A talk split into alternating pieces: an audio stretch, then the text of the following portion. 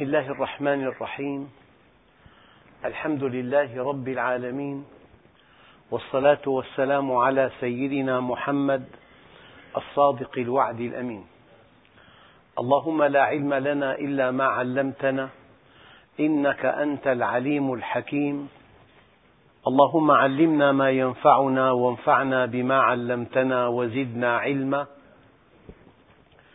وأرنا الحق حقا وارزقنا اتباعه وأرنا الباطل باطلا وارزقنا اجتنابه واجعلنا ممن يستمعون القول فيتبعون أحسنه وأدخلنا برحمتك في عبادك الصالحين أخرجنا من ظلمات الجهل والوهم إلى أنوار المعرفة والعلم ومن وحول الشهوات إلى جنات القربات. أيها الإخوة الكرام مع الدرس السادس من دروس سورة الأعراف ومع الآية الحادية عشرة وهي قوله تعالى ولقد خلقناكم ثم صورناكم ثم قلنا للملائكة اسجدوا لآدم فسجدوا إلا إبليس لم يكن من الساجدين. أيها الإخوة الكرام هذه الآية والتي تليها تعالج مسألة الخلق. وقد تقدمت هذه المسألة في سورة البقرة وعولجت في سبعة مواضع من القرآن الكريم. في سورة البقرة والأعراف والحج والإسراء والكهف وطه وصاد. ولكن في كل سورة تعالج هذه المسألة من زاوية. هناك من يتوهم أن في القرآن تكرارا والحقيقة لو تتبعت الموضوعات المتكررة في القرآن الكريم لوجدت أن كل رواية في كل سورة لها زاوية خاصة فهذا من إعجاز القرآن الكريم. وفوق ذلك هناك قضايا أساسية جدا في العقيدة. القرآن الكريم من أسلوبه الحكيم أنه يأتي بها في أماكن كثيرة كي تترسخ. لا يعقل أن يقول الأب لابنه في كل عمره اجتهد مرة واحدة. هذا الكلام يقوله له كل يوم وفي كل مناسبة وعقب كل حادثة. وإبان كل تصرف. يا بني انتبه اجتهد. فأولا التكرار في القرآن الكريم له تفسير بلاغي أن كل رواية أتت على الموضوع من زاوية. وبمعنى آخر أن التكرار من مهمته القصوى البلاغية أن يؤكد المعنى الذي هو أساسي. كلكم يعلم أيها الإخوة أن في حياتنا موضوعات أساسية وهناك موضوعات ثانوية. بتعبير آخر هناك موضوع مصيري. فالإنسان مثلا صحته موضوع مصيري لأن خللا خطيرا في قلبه ينهي حياته. الصحة موضوع خطير لأنه قد ينهي حياة الإنسان. الإيمان موضوع خطير قد ينهي سعادته. فالموضوعات الخطيرة التي لها أثر مستقبلي أو الموضوعات المصيرية. هذه موضوعات يعتني بها القرآن كثيرا. لذلك في حياتنا موضوعات برأي الفقهاء فرائض. يعني تتوقف سعادتنا على تحقيقها. تتوقف سعادتنا على تحقيقها. بل تتوقف سعادتنا وسلامتنا على تحقيقها. إذا هي فرائض. وفي موضوعات تحت باب المحرمات. هذه سبب شقائنا وهلاكنا في الدنيا والآخرة. إذا على طرفي الأحكام الفرائض والمحرمات. بينهما في الوسط المباحات. يعني موضوع حيادي طريقة جلوسك في البيت على الأرض على كرسي على فرش معين ألوان ثيابك هناك ملايين الموضوعات حيادية. ليس لها أثر إيجابي ولا سلبي في إيمانك. لذلك الأنبياء والمرسلون عليهم صلوات رب العالمين الموضوعات التي لها أثر إيجابي أو سلبي في علاقتك بالله عز وجل جاء ذكرها بشكل واضح. والأشياء التي سكت عنها هي الأشياء التي ليس لها أثر إيجابي ولا سلبي في حياتك الإيمانية. لذلك الأنبياء ما من شيء يقرب إلى الله عز وجل إلا وأتوا على ذكره وما من شيء يبعد عن الله عز وجل إلا أتوا على ذكره. والذي أغفل ذكره هناك حكمة من إغفال ذكره لا تقل عن حكمة الذي ذكره الله عز وجل. وهذا معنى قوله تعالى اليوم أكملت لكم دينكم وأتممت عليكم نعمتي ورضيت لكم الإسلام دينا. الإتمام عددي والإكمال نوعي أي أن مجموع القضايا التي عالجها القرآن الكريم والسنة المطهرة تامة عددا وأن طريقة المعالجة التي عالجها القرآن الكريم للقضايا التي عرضها كاملة نوعا. فهذا الدين توقيفي توقيفي. لا يضاف عليه ولا يحذف منه لأنه من عند الخالق. الخالق الذات الكاملة. من عند الحكمة المطلقة والرحمة المطلقة والعلم المطلق والعدل المطلق. إذا الدين لا يضاف عليه. ولا يحذف منه وهو عند بعض المشككين تراث. الدين ليس تراثا الدين وحي. وحي من السماء والمعصوم بينه. وحي من عند الله والنبي الكريم بين دقائق هذا الوحي. أما الحضارة والثقافة والتراث هي أشياء أرضية. أما أن يوصف الدين بأنه تراث لا. الدين وحي ووحي السماء هو خطاب السماء للأرض. هذا الخطاب لا يأتيه الباطل من بين يديه ولا من خلفه. لكن الذي يقول لا بد من تجديد الدين الدين لا يجدد. الدين توقيفي. لعل الخطاب الديني يجدد. الخطاب الخطاب الدعوي يجدد.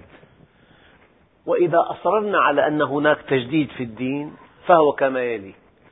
أن ننزع عن الدين كل ما علق به مما ليس منه. أن ننزع عن الدين كل ما علق به مما ليس منه. لذلك يقولون الأشياء الأصل فيها الإباحة. ولا يحرم شيء إلا بالدليل القطعي الثبوت والدلالة. بينما العبادات والعقائد الأصل فيها الحظر ولا يضاف على العبادات والعقائد أشياء إلا بالدليل قطعي الثبوت والدلالة. إن هذا العلم دين فانظروا عمن تأخذون دينكم. ابن عمر دينك دينك إنه لحمك ودمك. خذ عن الذين استقاموا ولا تأخذ عن الذين مالوا.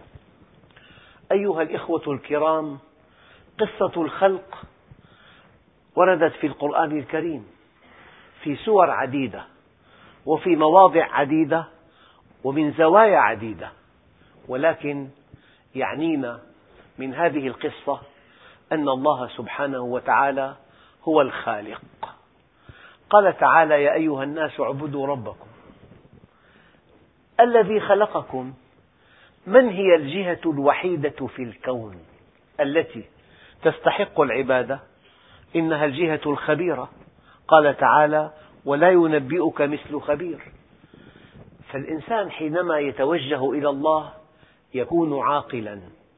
أما إذا توجه إلى غير الله يكون غير عاقل لأنه قد قيل أرجحكم عقلا أشدكم لله حبا.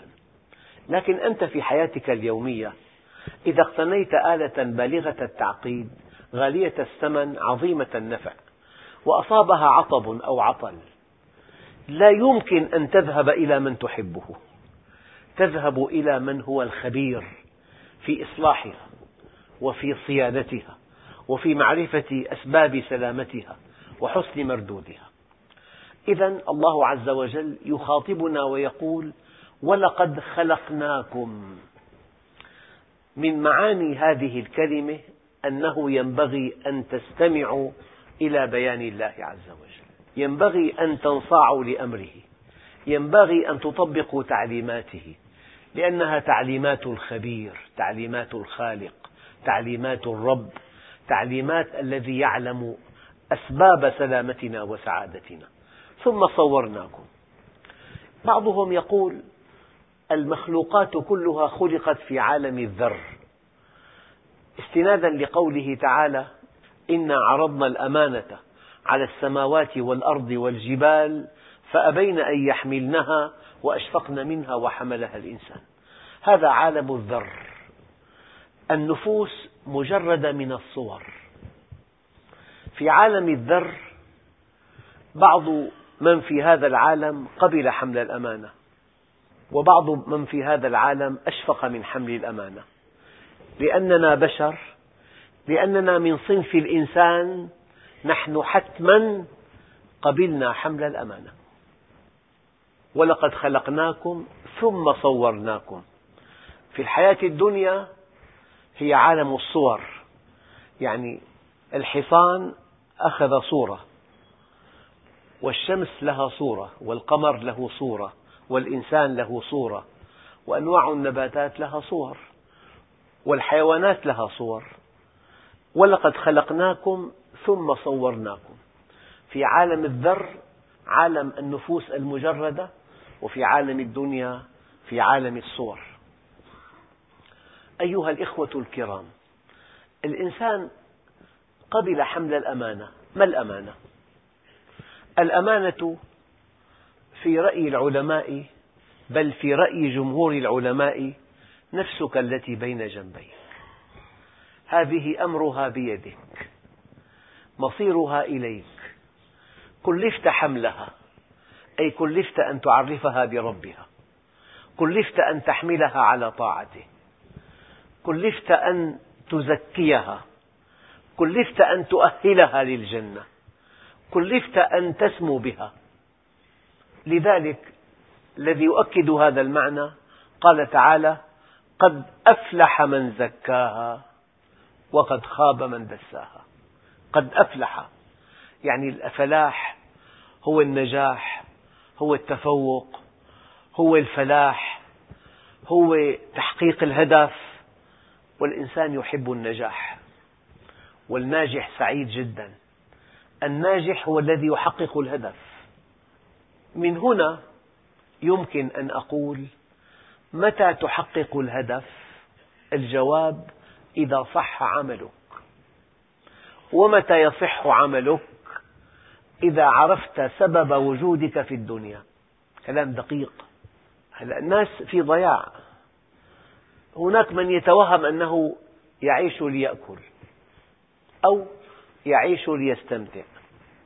أو يأكل ليعيش أو يعيش ليعرف الله عز وجل اسأل نفسك هذا السؤال والسؤال دقيق وخطير وسؤال فلسفي لماذا أنت في الدنيا؟ يعني أنت سافرت إلى بلد وسألتنا ماذا أفعل؟ نقول لك عجيب سؤالك لماذا جئت لهذا البلد؟ إن جئت طالب علم الطريق واضح. إلى المعاهد والجامعات. إن جئت تاجرا الطريق واضح. إلى المعامل والمؤسسات. إن جئت سائحا الطريق واضح.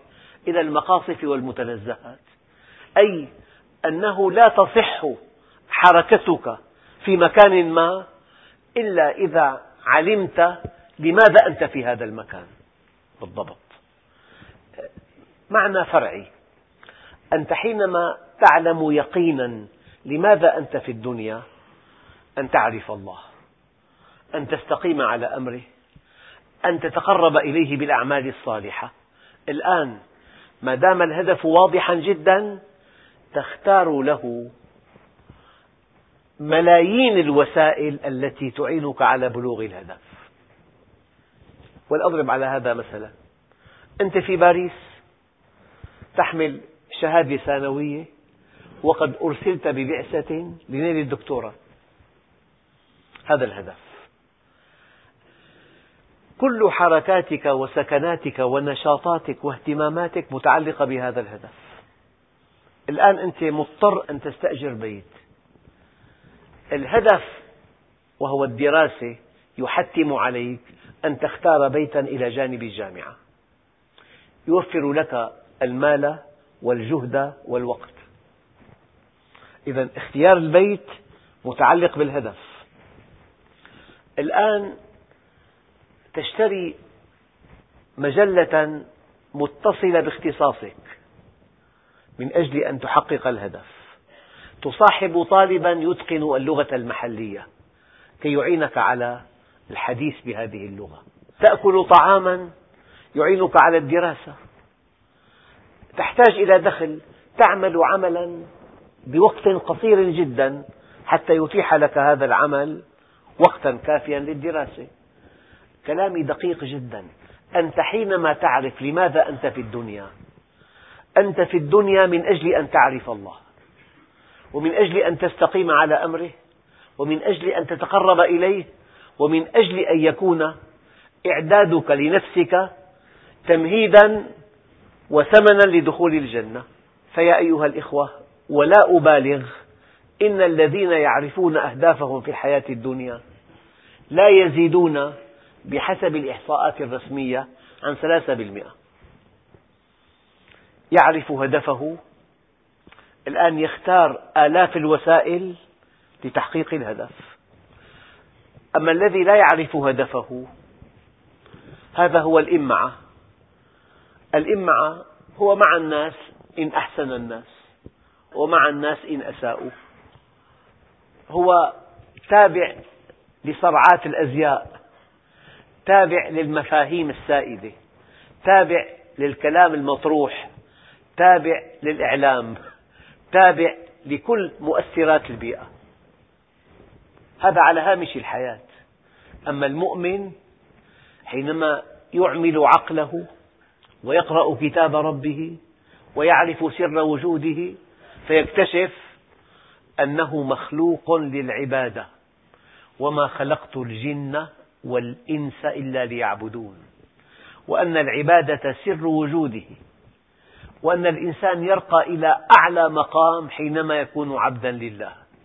فلما وصل النبي صلى الله عليه وسلم إلى سدرة المنتهى قال تعالى فأوحى إلى عبده ما أوحى.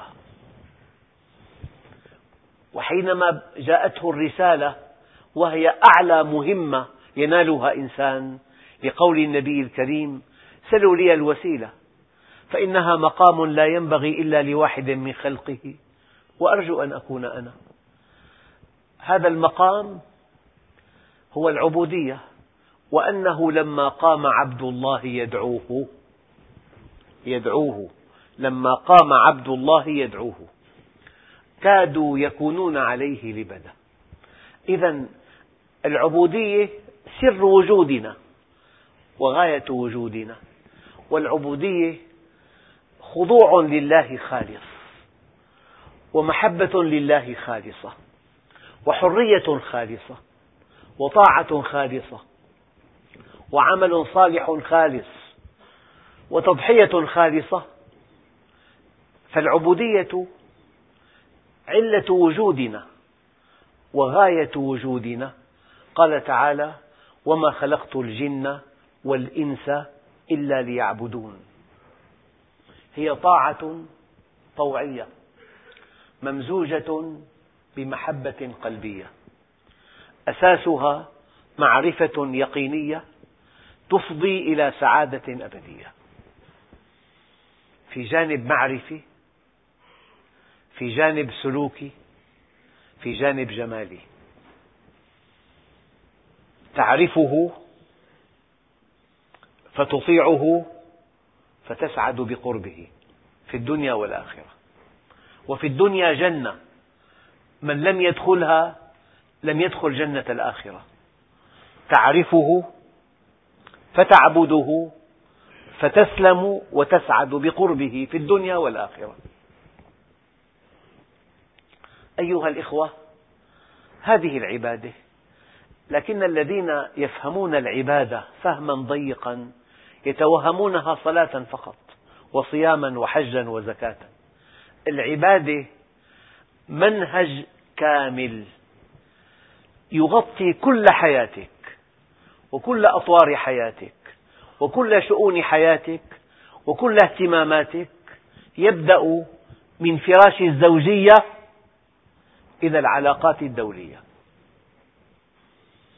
أكاد أقول المنهج العبادي في القرآن الكريم وفي السنة مئات ألوف الموضوعات. مرة ثانية يبدأ من أخص خصوصياتك من فراش الزوجية وينتهي بأفخم العلاقات بين الأمم العلاقات الدولية. هذه العبادة. أما نصلي ونصوم ونحج وانتهى الأمر. بيوتنا كسب أموالنا إنفاق أموالنا علاقاتنا المالية والنسائية وأفراحنا وأتراحنا وسفرنا وفق المنهج الغربي وعلى التقليد الغربي. هذا ليس هو الإسلام. فلذلك حينما طبقنا ظاهر الإسلام خسرنا قيمة الإسلام. وخسرنا ثمار الإسلام وخسرنا وعود الواحد الديان. ولقد خلقناكم ثم صورناكم. يا أيها الناس اعبدوا ربكم الذي خلقكم. طيب الله عز وجل كلفنا أن نعبده أو كلفنا حمل الأمانة. إنا عرضنا الأمانة على السماوات والأرض والجبال فأبين أن يحملنها. وأشفقن منها وحملها الإنسان. كلفنا حمل الأمانة والأمانة هي النفس البشرية. وقد أفلح من زكاها وقد خاب من دساها. الآن في موضوع من لوازم هذا الموضوع. ما كلفنا الله حمل الأمانة إلا وأعطانا مقوماتها. ما مقومات حمل الأمانة؟ أعطاك الكون. الدليل وسخر لكم ما في السماوات وما في الأرض جميعا منه. تسخير تعريف وتكريم. الكون مسخر للإنسان. وأنت أيها الإنسان علمت أو لم تعلم أكرم المخلوقات على الله. أنت المخلوق الأول رتبة. لأنك قبلت حمل الأمانة سخر الله لك ما في السماوات وما في الأرض جميعا منه. تسخير تعريف وتسخير تكريم. تسخير التعريف يقتضي أن تؤمن به. وتسخير التكريم يقتضي أن تشكره. فإذا آمنت به وشكرته حققت الهدف من وجودك. قال تعالى ما يفعل الله بعذابكم إن شكرتم وآمنتم؟ يعني أنتم إذا شكرتم وآمنتم أو آمنتم وشكرتم حققتم علة وجودكم. حققتم الغاية من وجودكم. أما عامة الناس وهذا شيء مؤلم جدا تغطيهم آية كريمة قل هل ننبئكم بالأخسرين أعمالا؟ الذين ضل سعيهم في الحياة الدنيا وهم يحسبون أنهم يحسنون صنعا. موضوع ثاني أيها الإخوة من لوازم هذا الموضوع. يعني إنسان متى يسعد؟ لأن السلامة والسعادة مطلبان أساسيان لكل الخلق. يعني على وجه الأرض ستة آلاف مليون. أنا متأكد أنه ما منهم واحد إلا وهو يتمنى السلامة والسعادة. فلماذا الشقاء؟ قالوا الشقاء بسبب الجهل. والدليل أن علة وجود الناس في النار الجهل. وقالوا لو كنا نسمع أو نعقل ما كنا في أصحاب السعير. والجهل أعدى أعداء الإنسان. نحن كأمة. من أعداؤنا؟ إياكم أن تظنوا أعداءنا هؤلاء الأعداء التقليديون الذين نصفهم بالغدر والبطش والغطرسة والتدمير والإبادة والإفساد والاستغلال. نحن أعداء أنفسنا. نحن أعداء أنفسنا. أؤكد لكم مرة ثانية. أن مصيرنا ليس بيدهم بيدنا. وإن تعودوا نعود. إن الله لا يغير ما بقوم حتى يغيروا ما بأنفسهم. من شأن الأعداء أن يعتدوا. من شأن الأعداء أن يستغلوا أن ينهبوا الثروات أن يفرقوا أن يشتتوا. هذا شأنهم. لكن قوتهم أتت من ضعفنا من جهلنا من تفرقنا. أيها الإخوة أضرب لكم مثل بسيط. أنت طالب جامعي بالسنة الأخيرة وباختصاص جيد جدا في عليه طلب وبأهم مادة بالاختصاص وامتحانك بعد يومين. ولك أصدقاء تحبهم حبا جما. أخذوك عنوة قبل الامتحان بيومين إلى الساحل. ونزلت بأفخر فندق وتناولت أطيب الطعام واستمتعت بأجمل المناظر. كل شروط السرور محققة. أصدقاء تحبهم مكان جميل إطلالة جميلة طعام طيب. لماذا تشعر بانقباض شديد؟ لأن هذه الحركة لا تحقق هدفك. لو جلست في غرفة قميئة. ذات رطوبة عالية والإضاءة خافتة ومعك الكتاب المقرر وقرأته واستوعبته وشعرت أنك جاهز لأداء امتحان في هذه المادة. يأتيك شعور بالفرح لا يوصف. وأنت في غرفة قميئة ذات رطوبة عالية والإضاءة خافتة وما في مناظر أبدا. والجدران ليست مطلية. أنت مسرور. إذا السعادة تأتي من تحقق الهدف. في دليل آخر. التاجر إذا في بيع كثيف وفي إقبال على البضاعة شديد يمكن يمضي 12 ساعة لا يجلس ولا يأكل وهو في نشوة السعادة. إذا ما في بيع وما في إنسان يقول لك ماذا عندك؟ وقاعد على مقعد وسير ومشروبات وقهوة وشاي وصحف ومجلات وأصدقاء تشعر بانقباض شديد لأن هذا المحل لا يحقق هدفه.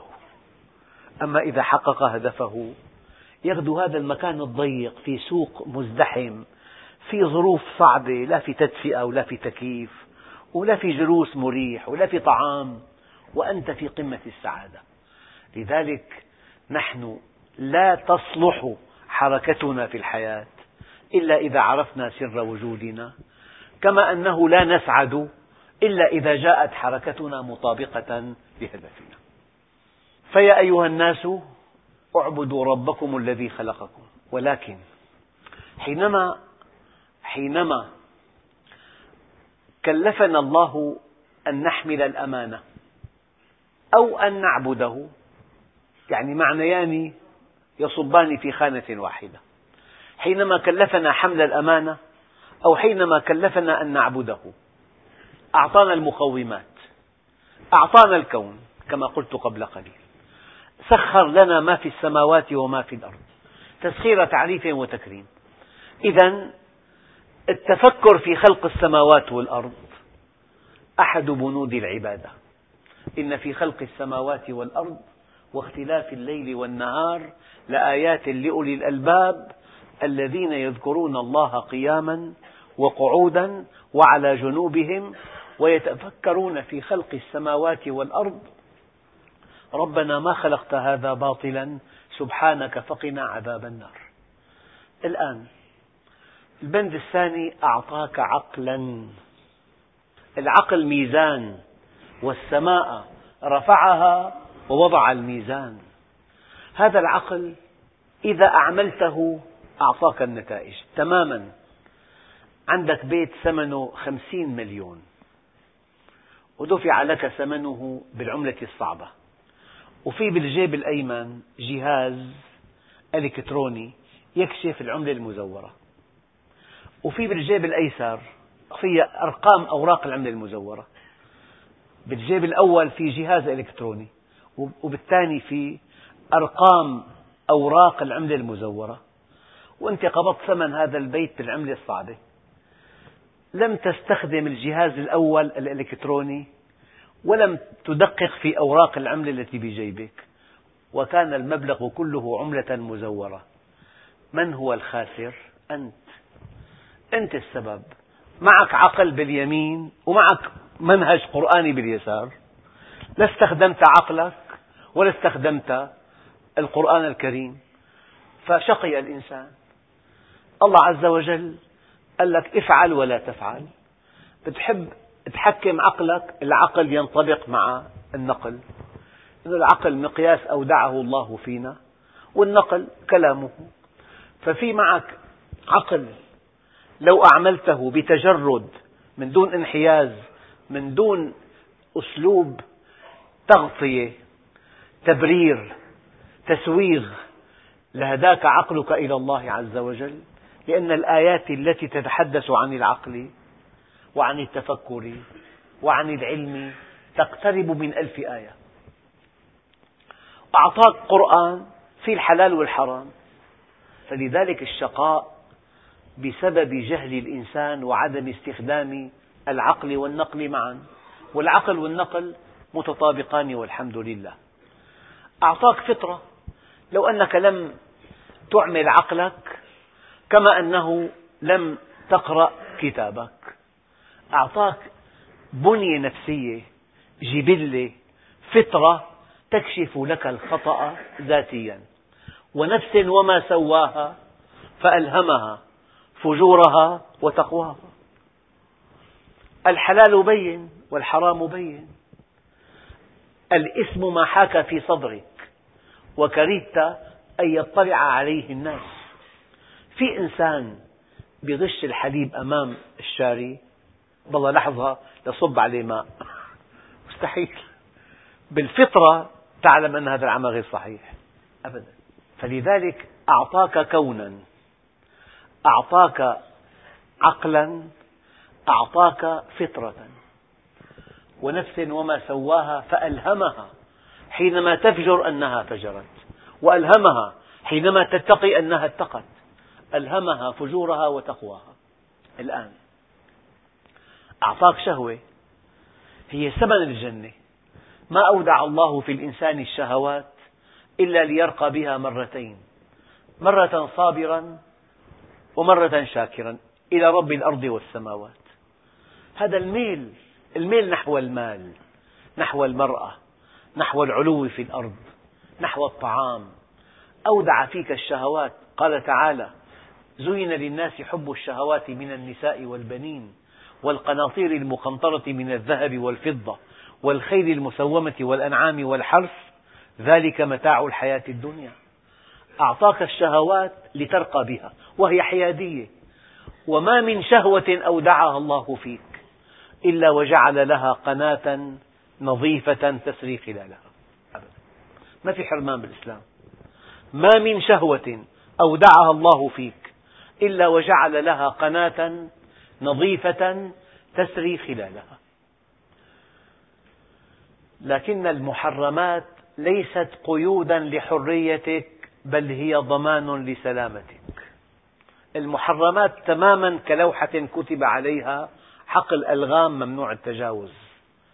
لا تشعر أبدا بحقد على من وضع اللوحة بل تشكره من أعماق أعماقك لأنه ضمن لك بهذه اللوحة سلامتك. كما لو وضعت لوحة أمام تيار توتر عالي ممنوع الاقتراب خطر الموت. هي لوحة رحيمة لوحة فيها علم فيها حكمة فيها رحمة فيها قيادة حكيمة للمواطنين. ممنوع الاقتراب خطر الموت.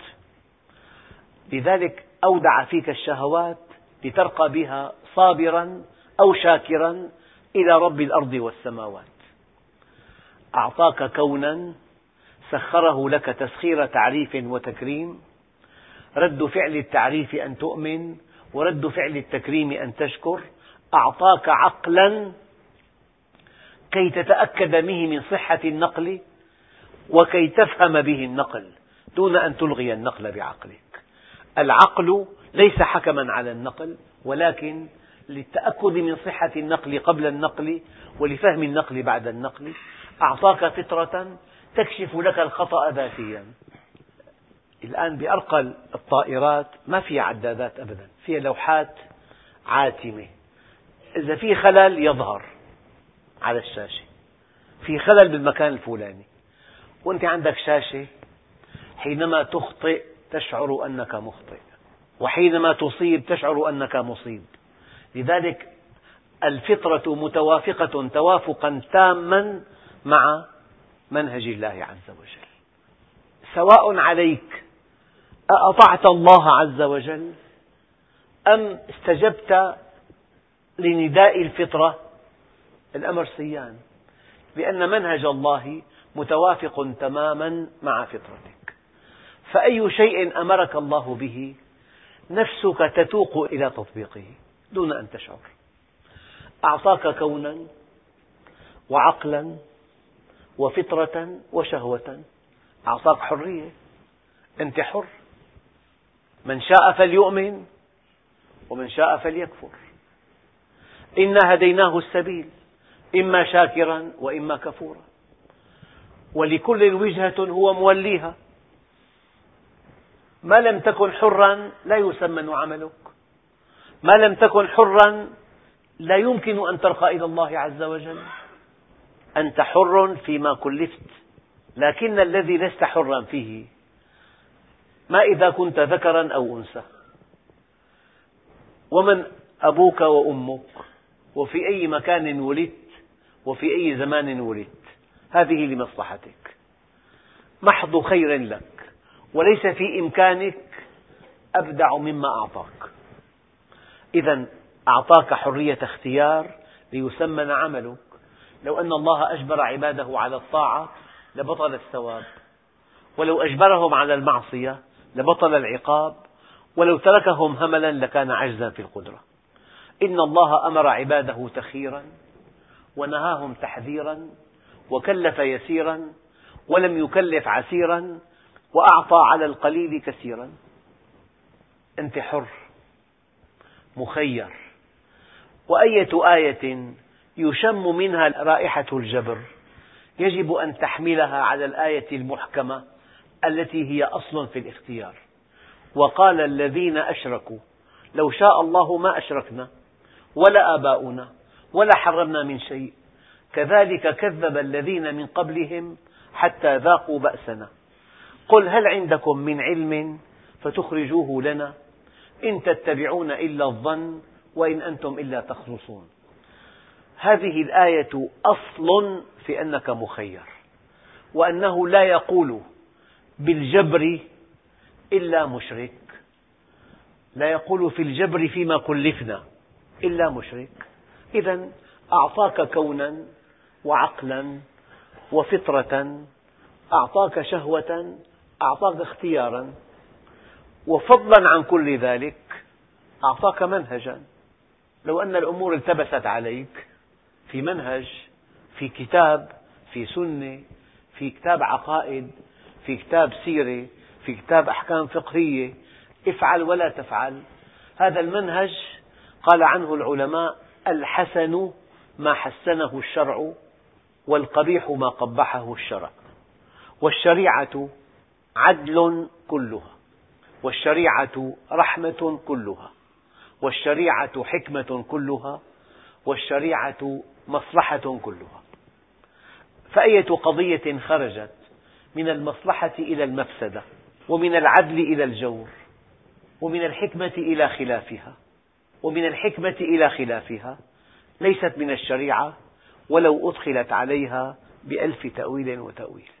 إذا نحن قد خلقنا ربنا ولأنه خلقنا أمرنا أن نعبده. يا أيها الناس اعبدوا ربكم الذي خلقكم. لكن واقع الناس اليوم كما ورد في كتاب مدارج السالكين لابن القيم رحمه الله تعالى ورد أثر قدسي إني والإنس والجن في نبأ عظيم أخلق ويعبد غيري وأرزق ويشكر سواي. خيري إلى العباد نازل وشرهم إلي صاعد.